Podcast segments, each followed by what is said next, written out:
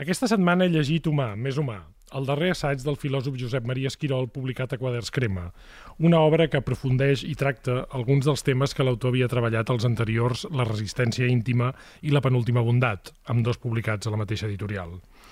Si en els dos primers assaigs Esquirol tramava una filosofia de l'existència humana d'un ésser que viu a la intempèrie, a humà més humà, i refent el conegut títol Nietzscheà, el filòsof s'atansa el sentit de l'ésser a través de les seves preguntes més antigues, en allò que, citant Sant Joan de la Creu, Esquirol descriu com el més profund de la nostra ànima i ho fa per escatir una pregunta que també ha dut de corcoll la majoria dels filòsofs de la tradició.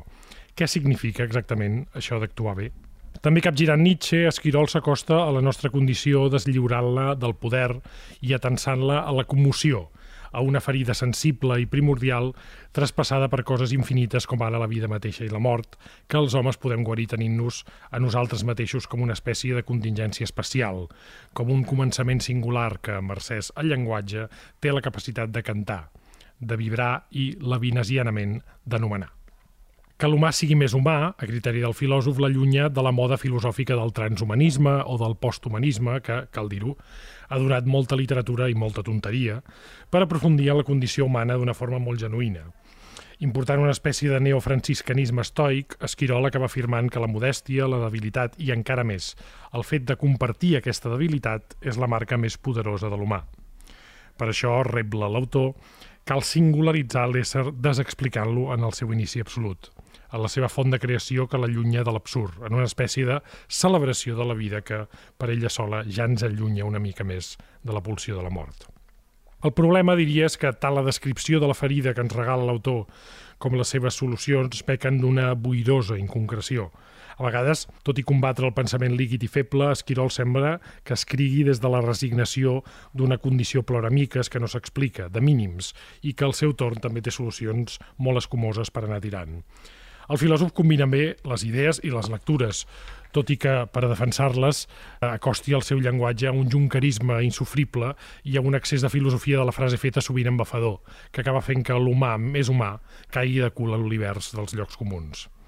Aquesta setmana he llegit Humà més humà de Josep Maria Esquirol, però no ho he fet sol. Amb mi ho han fet el filòsof Joan Bordeus i el poeta i crític Marc Rovira. Soc en Bernat de Déu i sou a l'illa de Mayans, el podcast Dona Llibres. This is my island in the sun Where my people have toiled since time begun I may sail on many a sea Her shores will always be home to me. Oh, island in the sun, built to me by my father's hand. All my days I will sing in praise of your forest waters, your shining sun.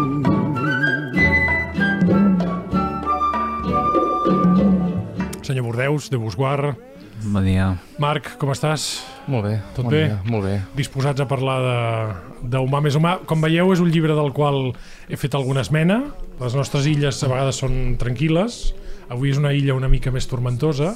Potser em convencereu de que les meves opinions no són certes o potser, qui sap, encara sereu més radicals que jo.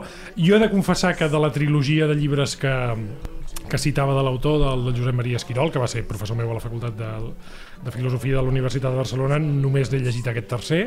Tinc ganes de començar el recorregut des del final, però crec que seria bo complementar-los amb la lectura de les dues primeres parts, tot i que no es digui que és una trilogia explícitament, però aquí en aquest programa, quan no hem llegit les coses, ho diem, tot i que acostumem sempre a llegir-les. Però Marc, tu sí que abans em comentaves fora de micro que l'havies llegit. Com veus una mica, molt breument, el recorregut que hi ha en aquests tres llibres, eh, en la filosofia esquiroliana, podríem dir?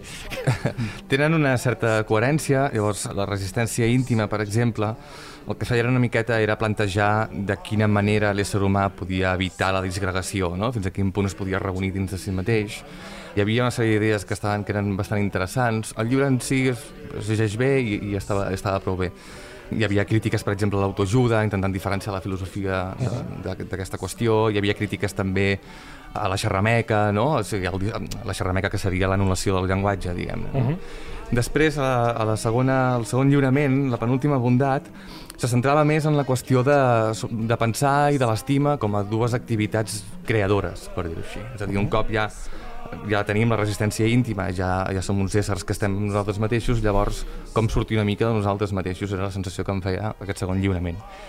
I el tercer, tinc la sensació que el que intenta és fer una, una cartografia de les qüestions que tenyen l'ésser humà. No? -huh. El que passa que si em fas... Uh... El llibre més metafísic, podríem dir. No, no sé si diries això o potser el més general, no? segons, segons el que has dit. El més abstracte, diguem-ne, uh -huh. sí. Sí, sí. Joan, tu no sé si havies llegit els tres, em sembla que vas fer aquest sí perquè vas entrevistar l'autor.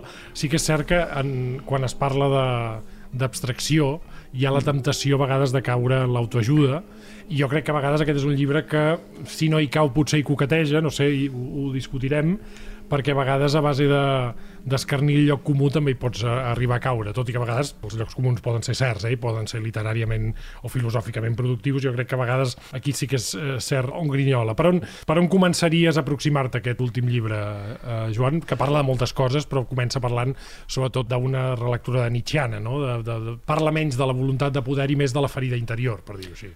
Sí, doncs es pot començar per tants llocs que començar pel títol a, a aquest joc, joc provocatiu del títol que precisament agafa Nietzsche per esmenar Nietzsche podria ser un bon lloc, uh -huh. no? Mhm. Sabem que això, quan el títol humà més humà es contraposa a la noció nietzscheana d'humà massa humà, no? Per la idea de Nietzsche és que l'humanisme és algo que ha de ser superat, no? La, la idea del superhome Nietzsche, com sabem, es va tornar boig significativament intentant escriure la transvaloració de tots els valors, no? però el seu projecte filosòfic era crear uns valors que transcendissin els valors, concretament cristians, no? certs valors, tota la genealogia del moral, una certa moral cristiana. Doncs què fa Esquirol? una reivindicació, podríem dir que fèrrea, d'aquesta ètica tan cristiana com que la ferida és la ferida de Crist, vull dir, i una reivindicació de filosofies que en el fons és la continuació del cristianisme per altres mitjans, com ara Levinas, no? Llavors, tal com has dit tu, una, una cosa interessant d'agafar Nietzsche i, i, i contraposar-lo d'aquesta manera és que a mi em crida l'atenció que la filosofia d'Esquirol de, apareix en reivindicar l'humà en un moment on que, el que l'únic que sentim a parlar en la moda, l'última moda filosòfica és el posthumanisme, no? O és... el transhumanisme, deia, no? La introducció... Exacte, o el transhumanisme, però... O, o tota una sèrie de, de filosofies de la intel·ligència artificial, etc sí. etc. Fins i tot filosofies o pseudofilosofies periodístiques, no? Podríem dir. Sí, exacte. Llavors, per mi, una de les primeres contradiccions del llibre, un dels primers llocs on jo trobo que, que és difícil sortir-se'n és que si Esquirol reivindica el tret distintiu de l'humà i aquest tret distintiu no és uh, la capacitat, en el sentit mitjà, de, de fer, sinó que és la capacitat que ell en parla de ser commogut, uh -huh. costa veure com la capacitat de ser commoguda no és precisament algo que ens uneix amb la totalitat de l'existència, amb totes les altres formes de vida, amb això que diu el posthumanisme, de que és impossible, un cop et pares a intentar delimitar què ens separa d'una altra espècie, d'una altra forma de vida al planeta, no hi ha res. Llavors, ja d'entrada per mi hi ha aquesta paradoxa en Esquirol que és intentant reivindicar l'humà per allò que comparteix amb el no humà cau en una contradicció. Mm. És el més humà, aprofundir en l'humà, en el fons és dissoldre allò específic de l'humà que no és la commoció, sinó és més aviat mm. aquestes altres capacitats eh, afirmatives, positives, aquest cert mm. exercici de voluntat de poder que Nietzsche, no sé, que, no sé que si us ha creat l'atenció Sí que és cert que podria haver-hi un risc conceptual en el llibre en el sentit de dir la majoria dels meus coetanis filosòfics parlen de l'empoderament, eh? rellegint malament Nietzsche es parla d'una voluntat de poder eh, una mica cursi, una mica afectada, i jo em refugiaré en un jo molt més, parlaríem de pensadors com Bàtimo, fins i tot de Derrida en, en un jo més feble, mm. en una modèstia de partida, però sí que és cert que al final, com deia el, el Joan, no sé si ho has notat tu, Marc, també la lectura, a mi m'ha passat, que al final evitant aquesta temptació, i cosa que han fet molts filòsofs en el sentit de que aquesta tentació també ens ha portat societats on l'ego es desmesura i acaba en desgràcies. Mm -hmm sí que és cert que passem a un altre cantó, potser, que és el de la modèstia excessiva, el de la ferida, que també acaba en una espècie de comunitarisme d'afectats que no sabem ben bé com es dibuixa. No sé si t'ha passat a tu com a lector aquesta sí, sensació. Sí, a, a mi m'ha passat, i el que m'ha passat també és que resseguint una mica la imatgeria del llibre, clar, la imatgeria és important, és a dir, més enllà de com articules el discurs, quins discursos filosòfics hi poses, etc etc. Que tries per, per il·lustrar-lo. No? Clar, és a dir, i a més a més hi ha, un, hi ha un moment del llibre en què parla que el símbol veritablement és una, és una cosa important perquè ens permet entendre, vull dir que i a més a més el relaciona amb el replec de vida, que és una, és una de les coses bàsiques i principals d'aquesta filosofia de la proximitat. Llavors, clar, tota la simbologia que utilitza, tota la imatgeria, a mi em porta cap a l'abstracció més absoluta. És a dir, el tema del cel i la terra, per exemple, el tema de donar la mà, etc etc, sí. em remet a una sèrie d'idees que, que jo associo una mica amb el cristianisme, etc etc, però que estan polides per la simpatia del segle XXI per dir-ho així. No sé si m'estic explicant, no? Mm. És a dir, clar, no és cristianisme dur, per dir-ho així, però s'hi assembla moltíssim i sonen... Sí, estan... no és un cristianisme sortit de l'armari, per dir-ho així, o, o, o molt menys fonamentalista, Exacte. però sí que és un cristianisme però, light. Sí. S'hi relaciona moltíssim, i hi ha la idea aquesta de l'humilitat, per exemple, de tot això, i és veritat que és una mica adulcorat i tot plegat, però clar, a mi la imatgeria em, em deixa perplex una mica. I a més a més, tenint en compte que la, és filosofia de la proximitat. Que quan llegia aquest llibre, la idea de filosofia de la proximitat la vaig veure a la resistència íntima. Em sembla, estava tot molt clar, estava ben construït, em va semblar que, que es veia perfectament. En aquest cas, jo he tingut una filosofia de la lleugeresa en el sentit que volava, no? d'alguna manera. M'he sentit una mica llàtzer llegint aquest llibre, perquè no, no, no tinc gaires llocs on agafar-me. O sigui, va donant voltes, però no acabo de veure... Clar, hi, ha, hi ha una pregunta que, que a mi m'ha suscitat, sobretot la primera part, que, que me l'agafava com a il·lusió, diguéssim, el, el, el tràiler de la pel·lícula prometia, eh, que mm. tu que ets sí. tan cinèfil, i, i realment m'interessava saber com és aquesta comunitat de ferits, perquè al, mm. al final el que creus que proposa l'autor el, el primer pas d'aquesta aventura intel·lectual, que, que a més a més és ambiciosa i que, insisteixo, podria ser provocativa en el sentit de dir, escolta, deixem d'empoderar el jo per, per buscar uns altres camins, una mica més porosos, una mica més modestos, com fan eh, insisteixo una altra vegada, eh, molts altres filòsofs de la contemporaneitat, acaba derivant, ara ho deia el Marc molt bé, a una espècie de comunitat creient de gent que se sent afectada perquè sí i que té una ferida que tampoc s'explica molt bé, amb la qual cosa la ferida al seu torn també es banalitza, perquè al final eh, és allò de que totes les famílies són dissortades a la seva manera, però bé, expliqui'm aquesta manera, és a dir, aquesta frase té sentit si expliques la dissort mateixa. Si la dissort la liquiditzes, per dir-ho també en un terme una mica banal, però ja ens entenem, acaba perdent també una mica el sentit. A mi a mi m'ha violentat aquesta I, cosa. Perdoneu, no? però juntament amb això resulta que hi ha moments del llibre en què diu que hi ha gent que no està ferida. Vull dir que no és la ferida diguem-ne, de l'humà com a cosa essencial, és que hi ha gent que ja està ferida i hi ha gent que no. Perquè, per altra banda, diu que néixer també és un moment de positivitat. No, però bé, de, després hi tornarem, però, però sobre aquesta comunitat de, de, de ferits, que és una cosa, per cert, també molt catalana, eh? després parlarem de, de, de la lectura política d'aquest llibre, eh? Vull dir, no, no penseu que ho evito. Sí, a veure, clar, és fàcil caricaturitzar Esquirol, però alhora és difícil portar la contrària. El seu sistema filosòfic és estranyar allò més profund, allò més primordial, això que és dir, anar al més abstracte. Clar, comença amb el fet de que hi hagi coses, no? El fet de que hi hagi coses, no? Sí. Ell parla de la vibració, no? El fet de que hi hagi coses, que és la, la filosofia comença amb com és que hi ha alguna cosa en lloc de no res, tu pots decidir, pots prendre dos camins filosòfics o caricaturitzar-ho com a algo més aviat expansiu o com a algo que conté, no? I ell ell ve a dir, no? ell entén que la seva comunitat de ferits, aquesta, aquesta comunitat de la dissort, ell fa una aposta valorativa des del moment inicial. Diu que és primer és, és una cosa molt heideggeriana, no? de ser llançat, de ser tocat, de que en vez de crear-te ets llançat i apareixes d'una manera ja amb certs deutes, amb certes inèrcies, amb certes uh -huh. ferides, ell es mulla i diu, això és primer, vull dir, en aquesta debilitat és constitutiva. I després fa un altre moviment, que és dir, que la debilitat és la condició de possibilitat d'una vida en comú. No? A mi, això, aquest, aquesta idea de que la debilitat és necessària per la vida en comú s'ha de contraposar. O sigui, quina és l'altra opció? No? Quina és l'altra opció? Si no és la debilitat, què podria haver-hi?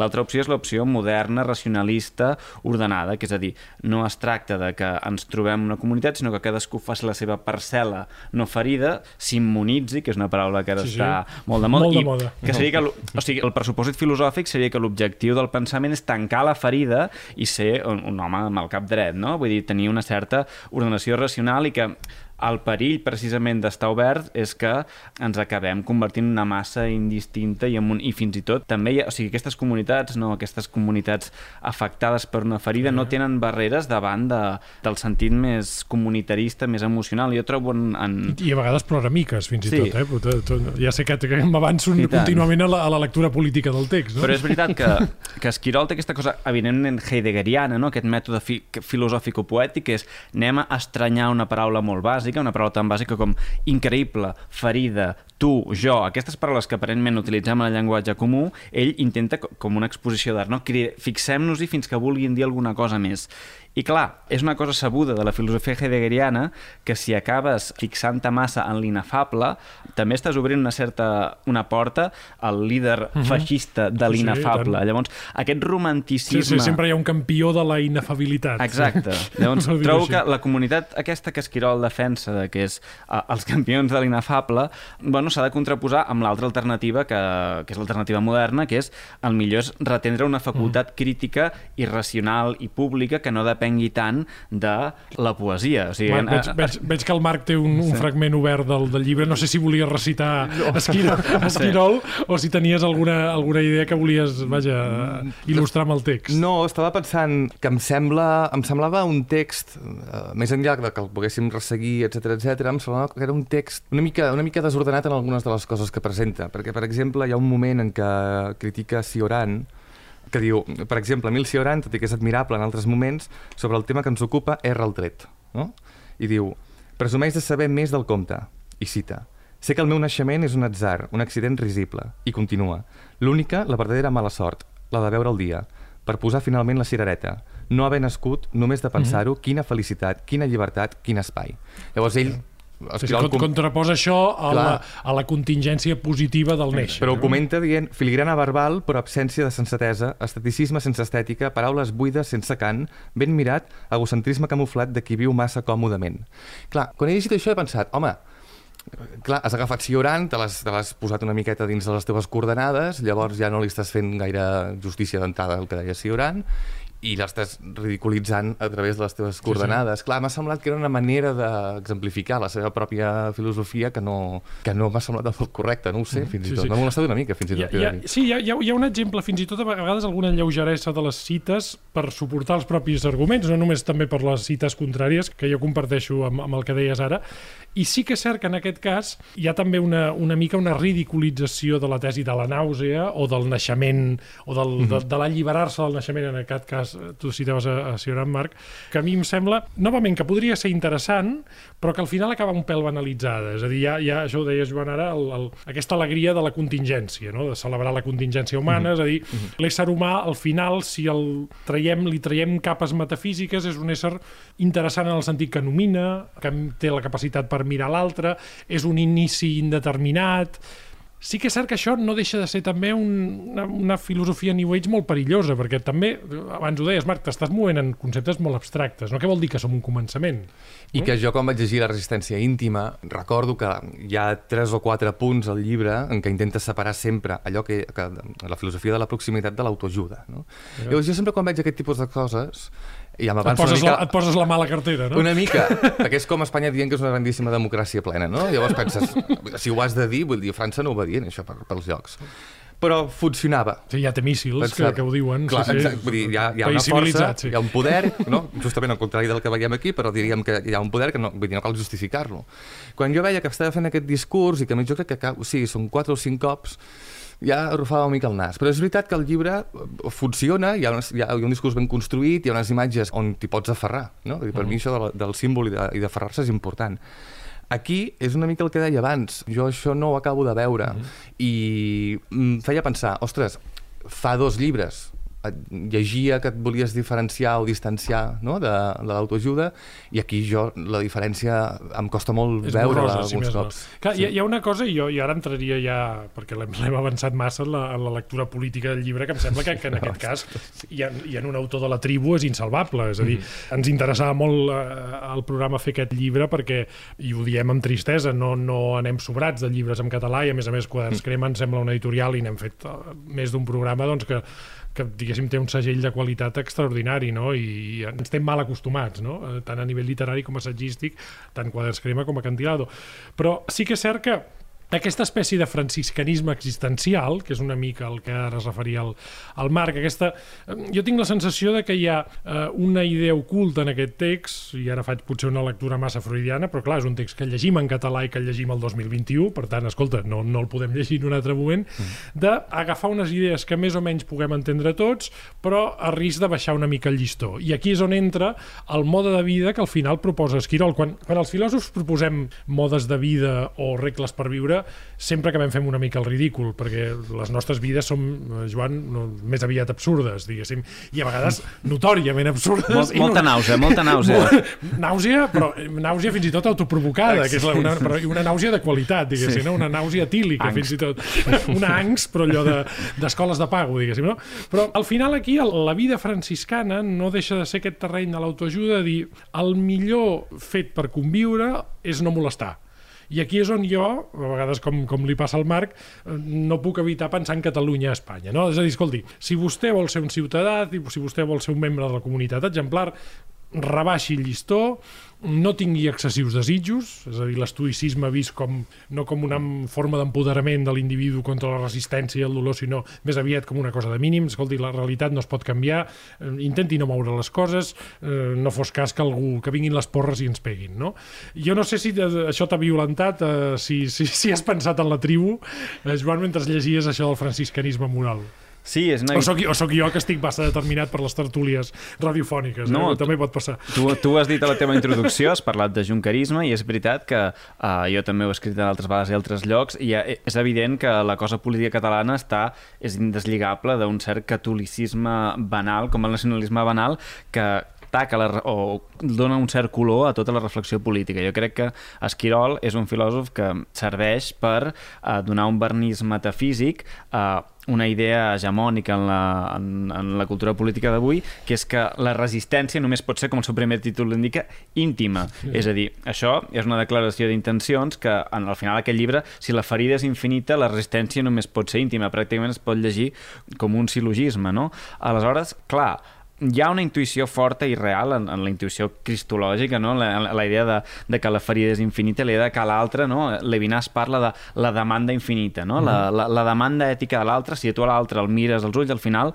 i això ho diu Levinas, la meva ètica l'únic que et proposa és sigues un sant fins al final, només pot ser un sant. Jo amb això no puc fer una política i me'n desentenc. Aleshores, jo crec que Esquirol fa aquesta cosa de, a més és curiós, algú que ve de la filosofia política, ens dona una ètica o una moral que eh, només serveix per un món que no és el real. És dir, els filòsofs que citats sí, sí. com ara les, els estoics... O, no. o, per, o per una illa, com la nostra, per dir-ho, per una illa on ho tinguis tot pagat. I, és eh? curiós, I, i si, on si pot ser et protegeixi sí. un estat, eh?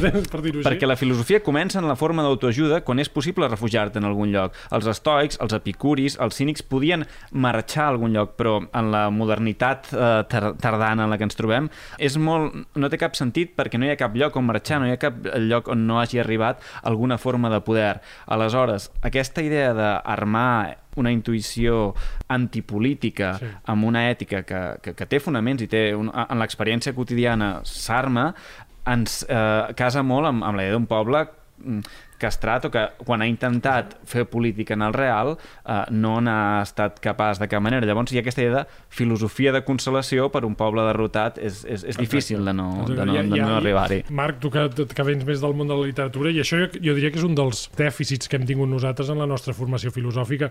Eh, jo diria que la gent que veniu dels estudis literaris esteu més acostumats a llegir els textos com a artefactes, és a dir, no només per, perquè ens entengui tothom, que qui ens escolta benemèritament, no només per allò que diuen, sinó sobretot per allò que es poden fer servir. I sabem que a partir d'una certa, eh, certa temporalitat, bàsicament a partir del segle XX, el segle de les grans guerres, cap autor escriu sense saber que el, teu, el seu text es farà servir com a arma, com a embocador per fer carícies o com a llança, per dir-ho així. Clar, eh, quan llegeixes aquest text, i en la línia del que deia ara el Joan, sembla un esforç extra que faci l'autor per ser llegit no com un artefacte d'ús, sigui quin sigui les seves conclusions, sinó com un artefacte d'intimitat. És a dir, al final Esquirol està parlant per una Catalunya de sofà. Com, com a, llegint això literàriament, que tot, perquè al mhm. final la filosofia no deixa de ser un artifici literari, tens aquesta sensació. No? Sí, tinc una mica aquesta sensació i a més també tinc la sensació que marca una sèrie de distàncies entre aquells que descriu com els que són els ferits, els, que, el, els del grup una mica, que, dels quals ell està parlant, i els altres. No? O sigui, hi ha un moment que parla, per exemple, dels freds, dels insensibles, etc etc. Arriba a dir allò que s'autoexclouen, no? s'autoexclouen. Llavors, ràpidament he pensat en, en una cançó d'Ovidi Montlló que deia m'aïllaran dient que m'he aïllat, no? un, un home que políticament doncs, sí, sí. defensa tota una altra cosa que, del que veiem aquí, i també he pensat que hi ha una certa defensa del sentimentalisme, en realitat, quan critica aquesta fredor. Perquè, clar, un ha d'anar a parar a alguna banda. És a dir, si... Sí, sí, alguna cosa t'has d'acollir, no? Clar, la fredor no pot ser... No? O, o l'accés aquest de racionalisme potser tampoc. L'altra banda, mm, quin és exactament? No, no m'ha semblat que quedi gaire, gaire clara i a mi em feia pensar doncs en aquesta tendència que hi ha últimament, no dic que l'Esquirol ho faci, eh, però aquesta tendència que hi ha últimament a infantilitzar-ho tot una mica, sí. no? A, a ser com, sí, com a tenir una sobredosi de sucre en general, no? No, i sobretot que el sentiment, que és una cosa que el, que el processisme ha tingut molt i que el dia que algú faci una, un llibre que jo crec que s'ha de fer d'anàlisi filosòfica del processisme sí, haurà, haurà, haurà d'estudiar que és el, el tema del sentiment com a punt final d'una argumentació. És a dir, escolti, jo, no, és que jo sento això, és que jo visc Clar. afectat per això, i per tant la discussió s'acaba. És, és una idea que ara la, la puc frivolitzar molt, però que permeabilitza totes les nostres discussions, eh, discussions polítiques, i estic parlant de discussions elevades i de discussions també de, de taula entre amics. Sí, sí. No? Escolta, això com que m'afecta, això com que em dol, s'ha acabat la discussió. Aquesta temptació jo també la veig en, en aquest tipus d'assaig, sobretot quan fa, eh, Esquirol jo crec que fa una cosa, abans tu la comentaves amb la cita de Cioran, que és eh, buscar-se uns enemics molt fàcils, molt caricaturitzables, és a dir, el que té ànsia de poder sempre és un poderós en excés, el que no és sentimental sempre és un fred, no, Joan? És a dir, sempre hi ha la, aquesta idea de buscar eh, que l'altre és, es passa de rosca mentre tu ets l'assenyat, mm. que això també entraríem en una lectura política, eh? Tu ets l'assenyat, tu ets el moderat, tu ets el... Hi havia també el que deia el Joan abans, no? aquesta idea de, de poble castrat, de poble que, doncs, si no pots tirar endavant d'alguna manera, doncs mira, mira't cap endins, estigues bé, etc etc. Clar, eh, i l'altre perill és una mica explotar, no? És a dir, una, et castres o bé explotes. Clar, Esquirol parla, té una expressió que, que està en cursiva, m'ha fet una mica de gràcia, que és la mandra nihilista, sí. que és veritat que també existeix. Hi ha gent que diu com que les coses ja van malament o ja no van com haurien d'anar-hi, doncs fora. Sí però no sé fins a quin punt, no voldria ser dolent, però no sé fins a quin punt... Sigues-ho, sigues-ho. Sí, no? no sé fins a quin punt el que traspua una mica aquest llibre no deixa de ser una mica aquest retorn a una sèrie d'idees una certa, una certa mandra, no sé si, una, no sé si nihilista, en tot cas, però sí una certa mandra. Jo, I, i, jo, això... jo diria que això, i clar, no és casualitat que estiguem parlant d'un acadèmic, jo diria que això és el, el, el nucli de la nostra acadèmia. La nostra acadèmia és una mandra nihilista, l'opinió de la qual avui en dia, per exemple, en termes filosòfics, no importa ha deixat de ser absolutament rellevant i ha volgut deixar de ser rellevant. És a dir... Sí, jo trobo, seguint això que diu el Marc, de, o sigui, com, com llegir a, a aquest assaig avui, o sigui, la filosofia d'Esquirol fa una cosa que és refugiar-se en la temporalitat, és el que en termes tècnics els seus alumnes li haurien de dir ok, boomer. És a dir, uh, uh, no, o sigui, fa una filosofia, la típica filosofia de poble vencedor, sí, sí. que no s'ha d'enfrontar a cap cosa del real. Vull dir, la filo... M'agrada molt aquest gest, aquests gestos que fas de tant en tant pel nostre públic millennial, sí, Joan, molt bé, molt bé.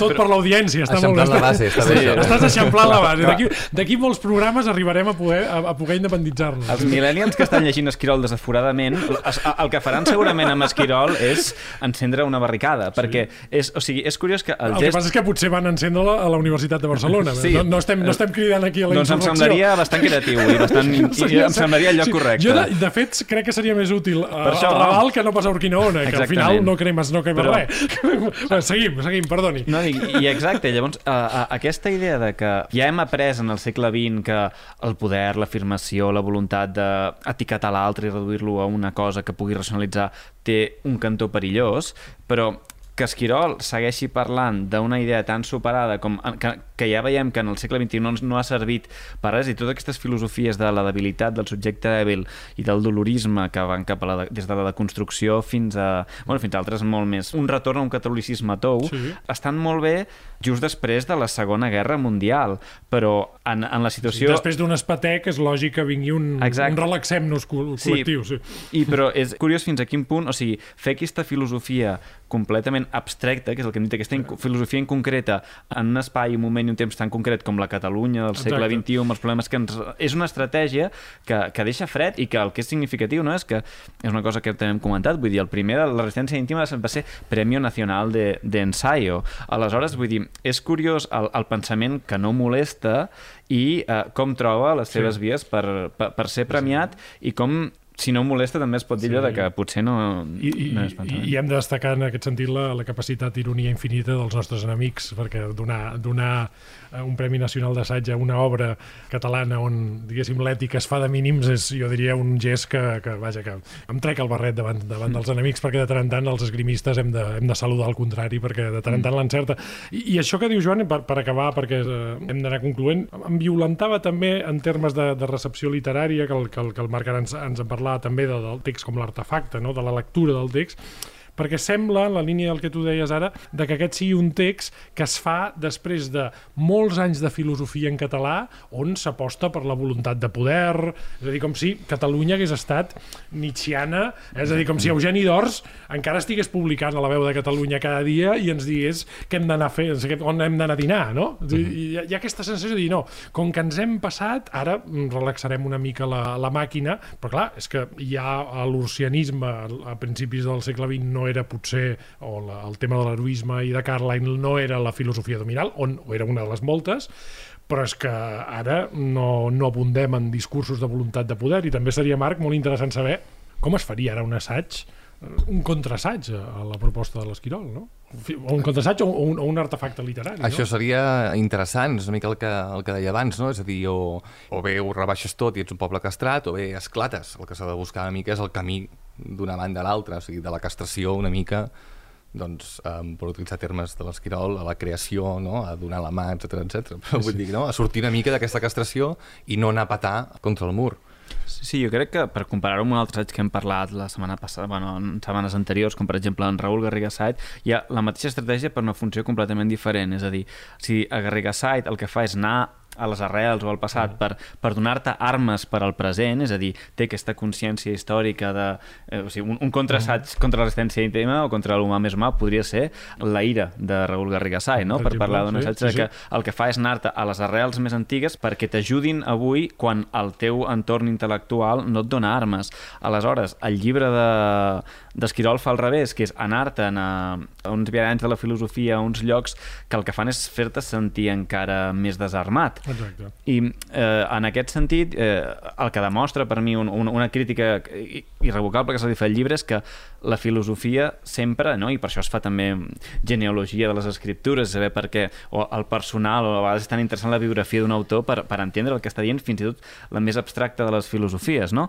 Doncs crec que el que demostra és que escriure el primer que has de fer quan un llibre és tan abstracte com humà més humà és anar al més concret, anar al moment històric que estàs vivint, el per què, sí. intentar fer una geopolítica I, de la metafísica. I, i ho deia al final, ho deia al, al, al principi en, en broma i penso que és una manera de relligar del que hem parlat, i, és que, i això és una cosa que sempre m'ha fet molta gràcia de, si es pot parlar de la nostra professió com a, com a filòsof, no? és que realment quan un filòsof es, uh, intenta donar pautes de vida, sempre acaba fracassant. És a dir, no només perquè les vides de molts filòsofs siguin unes vides o molt comunes o, o, o molt sòrdides, no? però realment, si tu agafes aquest llibre com un artefacte, dir, bé, anem a, a aquesta ètica de mínims per saber una de les preguntes que posa, que és, al final, que és una pregunta kantiana de sempre, no? al final, què he de fer? Escolti, jo, al final, molt bé, mm, franciscanisme, però al final què faig exactament?